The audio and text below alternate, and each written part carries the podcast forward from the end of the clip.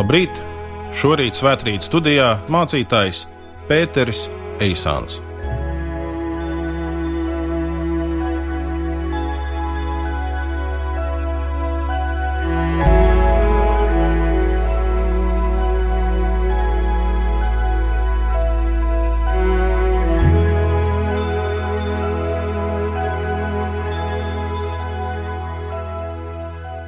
Šodien mēs lasīsim no Bībeles, no Marka evaņģēlīja 3. nodaļas, 20. 21. pantu un tad 31. pantu līdz 35. Tad Jēzus devās uz mājām un sanāca atkal liels pūlis, tā ka viņi nevarēja pat maizi paēst. Un kad savējie to dzirdēja, tie iznāca viņu apvaldīt, jo tie runāja, viņam nav prāta.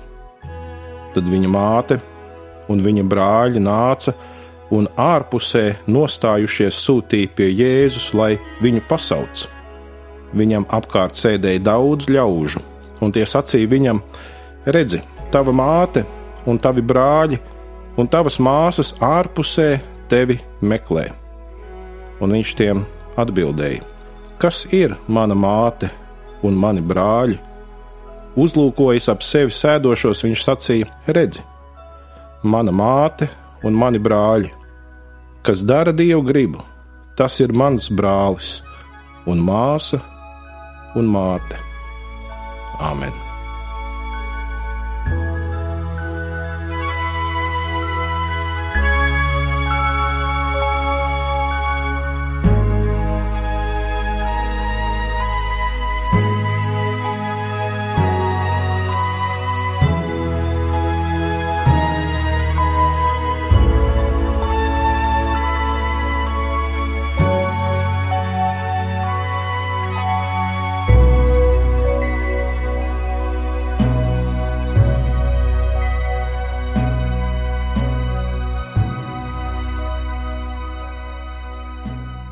Vispirms šajā aprakstītajā notikumā, ko mēs lasījām, mēs redzam to, ka tiek runāts par ģimeni, kas ir eh, bioloģiskā ģimene, arī par Jēzus ģimeni. Un katrs cilvēks, kas ir dzimis šajā pasaulē, var pateikties mātei, var pateikties tēvam par to, ka nu, viņiem ir viņi saņēmuši šo dzīvību, šo bioloģisko dzīvību, un viņi ir daļa no kādas ģimenes. Citreiz tā ir laba, pilnvērtīga un par ko bērniem ir prieks. Citreiz tā ģimene varbūt ir tāda, kur ir kādas grūtības un bēdas un sāpes, bet katram ir māte un tēvs. Šajā nodaļā, ko mēs lasījām, pirms nolasītā teksta arī mēs būtu varējuši lasīt par to, kā Jēzus kļuva aizvien populārāks tautā, un kā cilvēki pulcējās ap viņu dzirdēt viņa sludināšanu par Dievu un par Dievu valstību, Un arī cilvēki nāca ar cerību, ka Jēzus palīdzēs viņiem viņu sāpēs, bēdās, ciešanās, slimībās. Šajā nodaļā arī varēja lasīt, kā Jēzus izrauga sev 12 mācekļus, kurus viņš apmācīs sludināt Dievu valstību, un uzreiz pēc tā visa mēs lasām šo notikumu, ko tikko lasījām. Ka Jēzus atgriežas namā, kurā viņš bija apmeties, un, un cilvēki viņu uzmeklē, un viņam ar šiem cilvēkiem darbojoties, nav pat laika paēst, viņam nav iespēja paēst. Un, manuprāt, ir daži zīmīgi vārdi šajā Bībeles tekstā, kas raksturo šo pirmo ģimenes ideju, kas ir visiem saprotama. Tā ir šī bioloģiskā ģimene, kur ir māte un tēvs, un mēs katrs tādā esam dzimuši. Un um, ne visiem uzaug ģimenē, kur ir abi no vecākiem, bet ir abi nepieciešami, lai dzimtu. Pirmais vārds, kas raksturo šo ģimeni šajā tekstā, man liekas, ir šis, kur teikts, Jēzus nevarēja pat maizi paēst. Cik es atminos savu mammu, cik es atminos savu omīti, cik es esmu vērojis citu cilvēku mammas, viņas vienmēr rūpējas par savu bērnu vajadzībām. Viņas ir apbrīnojami pašaizliedzīgas. Jau no pirmās bērna dienas, no tā laika bērns neapzinās nedz sevi, nedz citus. Un tā ar vienu bērnam augot, mātēs ir šī lielā pašaizliedzība, domas par bērniem, par viņu labklājību. Es augu daudz bērnu ģimenēm, un padomju varas gados bija diezgan liela nabadzība. Daudzas lietas, nu, piemēram, īpaši kādi našķi, tie tika dalīti vienlīdzīgās daļās visiem ģimenes locekļiem. Bet mamma bija tā, kas vienmēr bija gatava savu daļu dot kādam bērnam, kas to lūdza.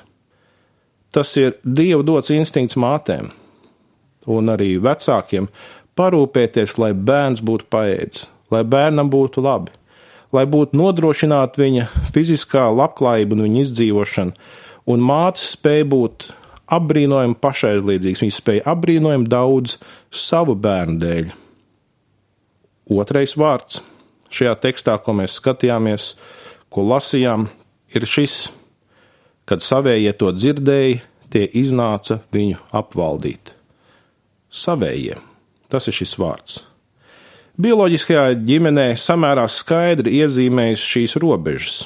Šie ir savējie, brāļi, māsas, varbūt citi vēl radinieki, tie ir savējie. Tie esam mēs, kas piedaram pie mūsu dzimtas koka, tie esam mēs, kam ir vienas vai citas tradīcijas, un tie, tie kas nepiedara, tie nav savējie, tie ir citi. Un ja grūtības nāk, ja nāk krīze, par savējiem noteikti jāparūpējas. Bet tie, kas nav savējie, tie var nebūt arī mūsu dzīves prioritāte. 32. pantā mēs lasījām, Viņam apkārt sēdēja daudz ļaužu, un tie sacīja Jēzum: Redzi, tava māte, un tavi brāļi, un tavas māsas ārpusē tevi meklē. Bija atnākuši tie cilvēki, ar kuriem Jēzus kopā bija dzīvojis un audzis viņa ģimene. Māma, brāļi un māsas, viņi atnāca pie viņa. Un viņi atnāca patiesībā, jo viņiem rūpēja jēzus. Viņi redzēja, viņš ir tik aizņemts, viņš ir tik pārņemts, viņš, viņam pat laika nav ēst. Māte bija norūpējusies, pārējie arī. Viņi nāca apvaldīt savu ģimenes locekli, ne jau citu. Tās ir rūpes, tā ir atbildība par savējiem. Un tas ir ļoti labi, ka savējie, ka ģimenes locekļi turās kopā. Diemžēl nevienmēr tas tā notiek. Veselīgi ģimeniskumu ir svarīgi mācīties ir ģimenes un dzimts, kas ļoti labi prot šādu ģimeniskumu kopt. Ir ģimenes, kurām tas tik labi nesanāk. Bet, ja nav nodota tāda tradīcija no ģimenes ģimenē, tad ir pienāk laiks, kad jaunai paudzei to ir jāmācās, jo veselīgi ģimeniskumu ir svarīgi kopt. Taču citreiz cilvēka pieredzē šis savējo motīvs tiek pārspīlēts, un tad tas ir uz ļaunu. Burtiski pirms dažām dienām pieminējām Otrā pasaules kara beigas. Tas bija vēsturē briesmīgs laiks.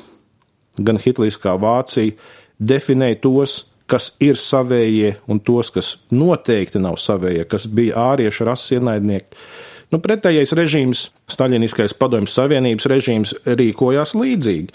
Tāpat sadalot cilvēkus gan savējos, gan šķiras ienaidniekos.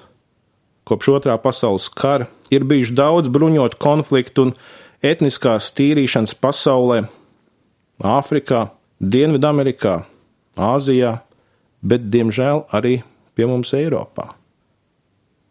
Savējiem, bet nevienmēr tas ir uz svētību, tas var tikt pagriezts arī uz ļaunu. Nu, trešais vārds. Trešais vārds, kas raksturo šo pirmo ģimenes ideju, šo bioloģisko ģimenes ideju, ir šis, un tie runāja savā starpā, viņam nav prāta. Mēs lasām, ka Jēzus māte brāļi un māsas, viņi nāca viņu apvaldīt, jo viņam nebija laika ēst, viņam bija citas lietas, kā svarīgāka prioritāte, un viņi to nevarēja saprast, un tas bija diezgan atšķirīgi, acīm redzot, no viņu prioritātēm tajā mirklī. Viņi redzēja, ka viņam ir citādāks pasaules uzskats, un viņiem likās, viņš ir traks, viņš ir radikāls. Un uh, uz savus ģimenes centieniem viņu apvaldīt, Jēzus atbild ar to, ka viņš norāda uz kādu cita veida ģimeni. Uz ģimeni, kas nav balstīta dzimtas kokā, kas nav balstīta eh, bioloģiskā pēctecībā. Jēzus norāda uz ģimeni, ka tā var būt balstīta gara radniecībā, nevis ģenētiskajā radniecībā. Un šeit no 33. pānta mēs lasām, un viņš tiem atbildēja: Kas ir mana māte un mani brāļi? Uzlūkojis ap sevi sēdošos, viņš sacīja: Redzi, mana māte un mani brāļi, kas dara dieva gribu. Tas ir mans brālis un māsa un māte. Šeit Jēzus paplašina ģimenes izpratni. Un viņš saka, jā, katrs cilvēks, kas piedzimst, viņš ir uz šīs pasaules tādēļ, ka viņam ir šie bioloģiskie senči un, un šī ģimene vienā vai citā veidā, bet viņš saka, ir jāredz arī plašāk nekā esam pieraduši skatīties.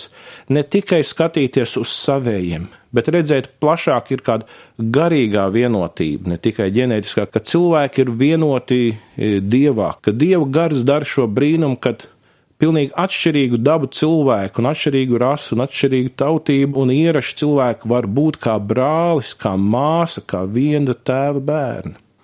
Un te ir tas viens no brīnumiem, ko mēs svinam svētā gara izliešanās svētkos. Mēs lasām, kā apustulis Pēters, Jēzus māceklis un, un, un citi mācekļi viņu sludina, un Jeruzālēmē ir sanākuši cilvēki no visdažādākajām geogrāfiskām vietām, dažādu valodu pārstāvji. Un viņš šo sludināšanu saprot savās valodās, kur parasti valoda cilvēku pieredzē tā, kas atšķiras savējos no svešajiem, no tiem, kas runā manā valodā, manā dzimtajā valodā, no tiem, kas to varbūt nerunā, jeb runā ar akcentu, jeb pat nesaprot. Bet Dieva gars bija tas, kas šīs robežas pārvarēja. Viņš vienoja cilvēkus un rādīja viņiem, ka viņi patiesībā ir ir viena dieva bērna. Tajā laikā svētā gara iespaidā kristiešu draugs kļūst par apbrīnojamu alternatīvo sabiedrību, kurā pieņemšana, cieņa, mīlestība atrada visdažādākie ļaudis. Vēlāk apustulis Pāvils Galatiešiem raksta šādus vārdus: Jūs jau visi ticēdam uz Jēzu Kristu, esat Dieva bērni. Kristu mēs tiekam darīti par Dieva bērniem. Visi vienlīdz nozīmīgi, vienlīdz svarīgi, vienlīdz mīlēti Kristū. Un Pāvils turpina: Jo jūs visi, kas esat kristīti Kristus vārdā, esat tērpušies Kristū. Tur nav ne jūda, ne grieķa. Tā bija raksturīga tā laika. Tāda robežšķietne bija jūdi un grieķi reprezentēja pagāns, un viņi savā starpā diezko nejaucās. Viņš turpina, un tur nav ne kalpa, ne svabadā. Tur nav ne vīra, ne sievas, jūs esat viens Kristū. Nav arī vergu un brīvi, arī šī sociālā dalījuma. Cilvēki var būt kā viena ģimene, kā viens veselums Kristū Jēzu, un to dara Dieva gars. Tad no šajā dienā, lai pieminam to, ka mēs katrs esam šajā pasaulē pateicoties savai mātei, savam tēvam, ka mēs katrs esam kādā ģimenē auguši. Mums katram ir kāda to cilvēku kopums, par kuriem mēs esam atbildīgi, par kuriem mēs rūpējamies un arī grūtā brīdī ceram par mums parūpēsies, bet tāpat laikā, lai redzam arī plašāk, ka, ka dievgars var un spēj un grib veidot cilvēkus par vienotu ģimeni, kas ir garīgi vienota kopa, kas atzīst to, ka viņi ir Dieva bērni, un ka visas atšķirības, kas bieži vien cilvēkus varētu šķirt, savā starpā varbūt dažādās grupās, un reizēm pat nedraudzīgās, bet ka Kristū šis naids var tikt nojaukts, un mēs tiešām visi cilvēki varam kļūt brālis, māsa un māte, tie, kas dara savā dzīvē Dievu gribu. Lai Dievs svētī katru no jums! Šajā mātes dienā. Āmen!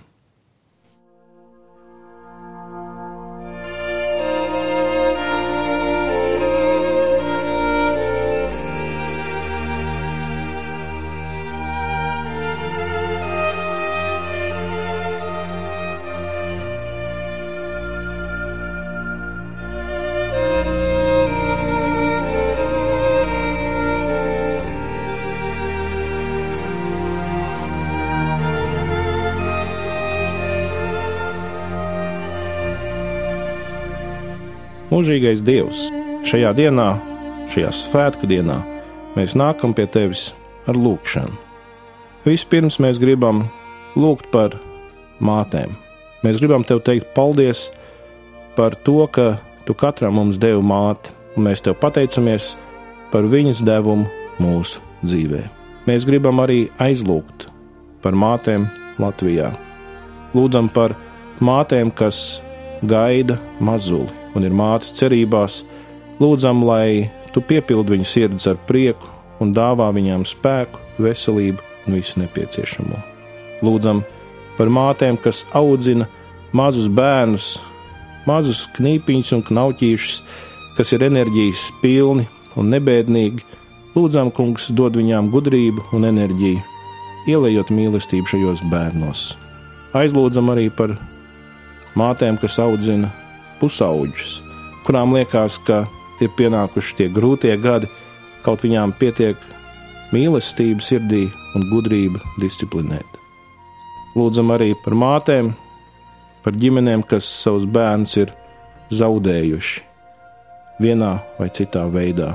Lūdzam, lai tavs mierinājums ir tas un tavs miers, kas viņu bēdz remdē. Aizlūdzam arī par vecākiem, kuriem nav vai arī nevar būt savu bērnu. Lūdzam, kungs, dod arī viņiem savu mierinājumu un iepriecu, un ļauj viņiem piedzīvot to, ka viņi var savu mīlestību dāvāt visnegaidītākajos veidos citiem. Aizlūdzam par ģimenēm, kurās ir nemieris un vardarbība. Kungs kaut uh, tur varētu ienākt miers un vardarbība rimties. Lūdzam par ģimenēm, kuras ir laimīgas un priecīgas, kaut tas tā varētu turpināties, taču aizlūdzam par tiem, kuri varbūt nav tālu no izjukšanas. Gribam lūgt arī par jauniešiem, kas ir jauni un spēcīgi, un kas varbūt drīzumā kļūs par vecākiem un veidos savus ģimenes. Lūdzam, sargā viņus no vieglprātības, no netiklības un citām nelaimēm. Kungs, gribam lūgt par plašo dievu ģimeni, par tiem, kurus Kristus dara par vienas ģimenes locekļiem. Gribam lūgt, lai dievu bērnu ģimene ir tā, kas nes mieru un dziedināšanu šeit, Latvijā un visā pasaulē. Kungs, esi žēlīgs tiem, kas cieš, un lūdzam, vairo mūsos pateicību par to labklājību, ar kādu es mūs svētīs. Un lai svētais gars ir tas, kas mūsu acis apgaismo redzēt tavu svētību mūsu dzīvē. Kungs, mēs gribam lūgt tavu žēlastību, tavu svētību mūsu dzimtenē. Dievs svētī Latviju! Āmen!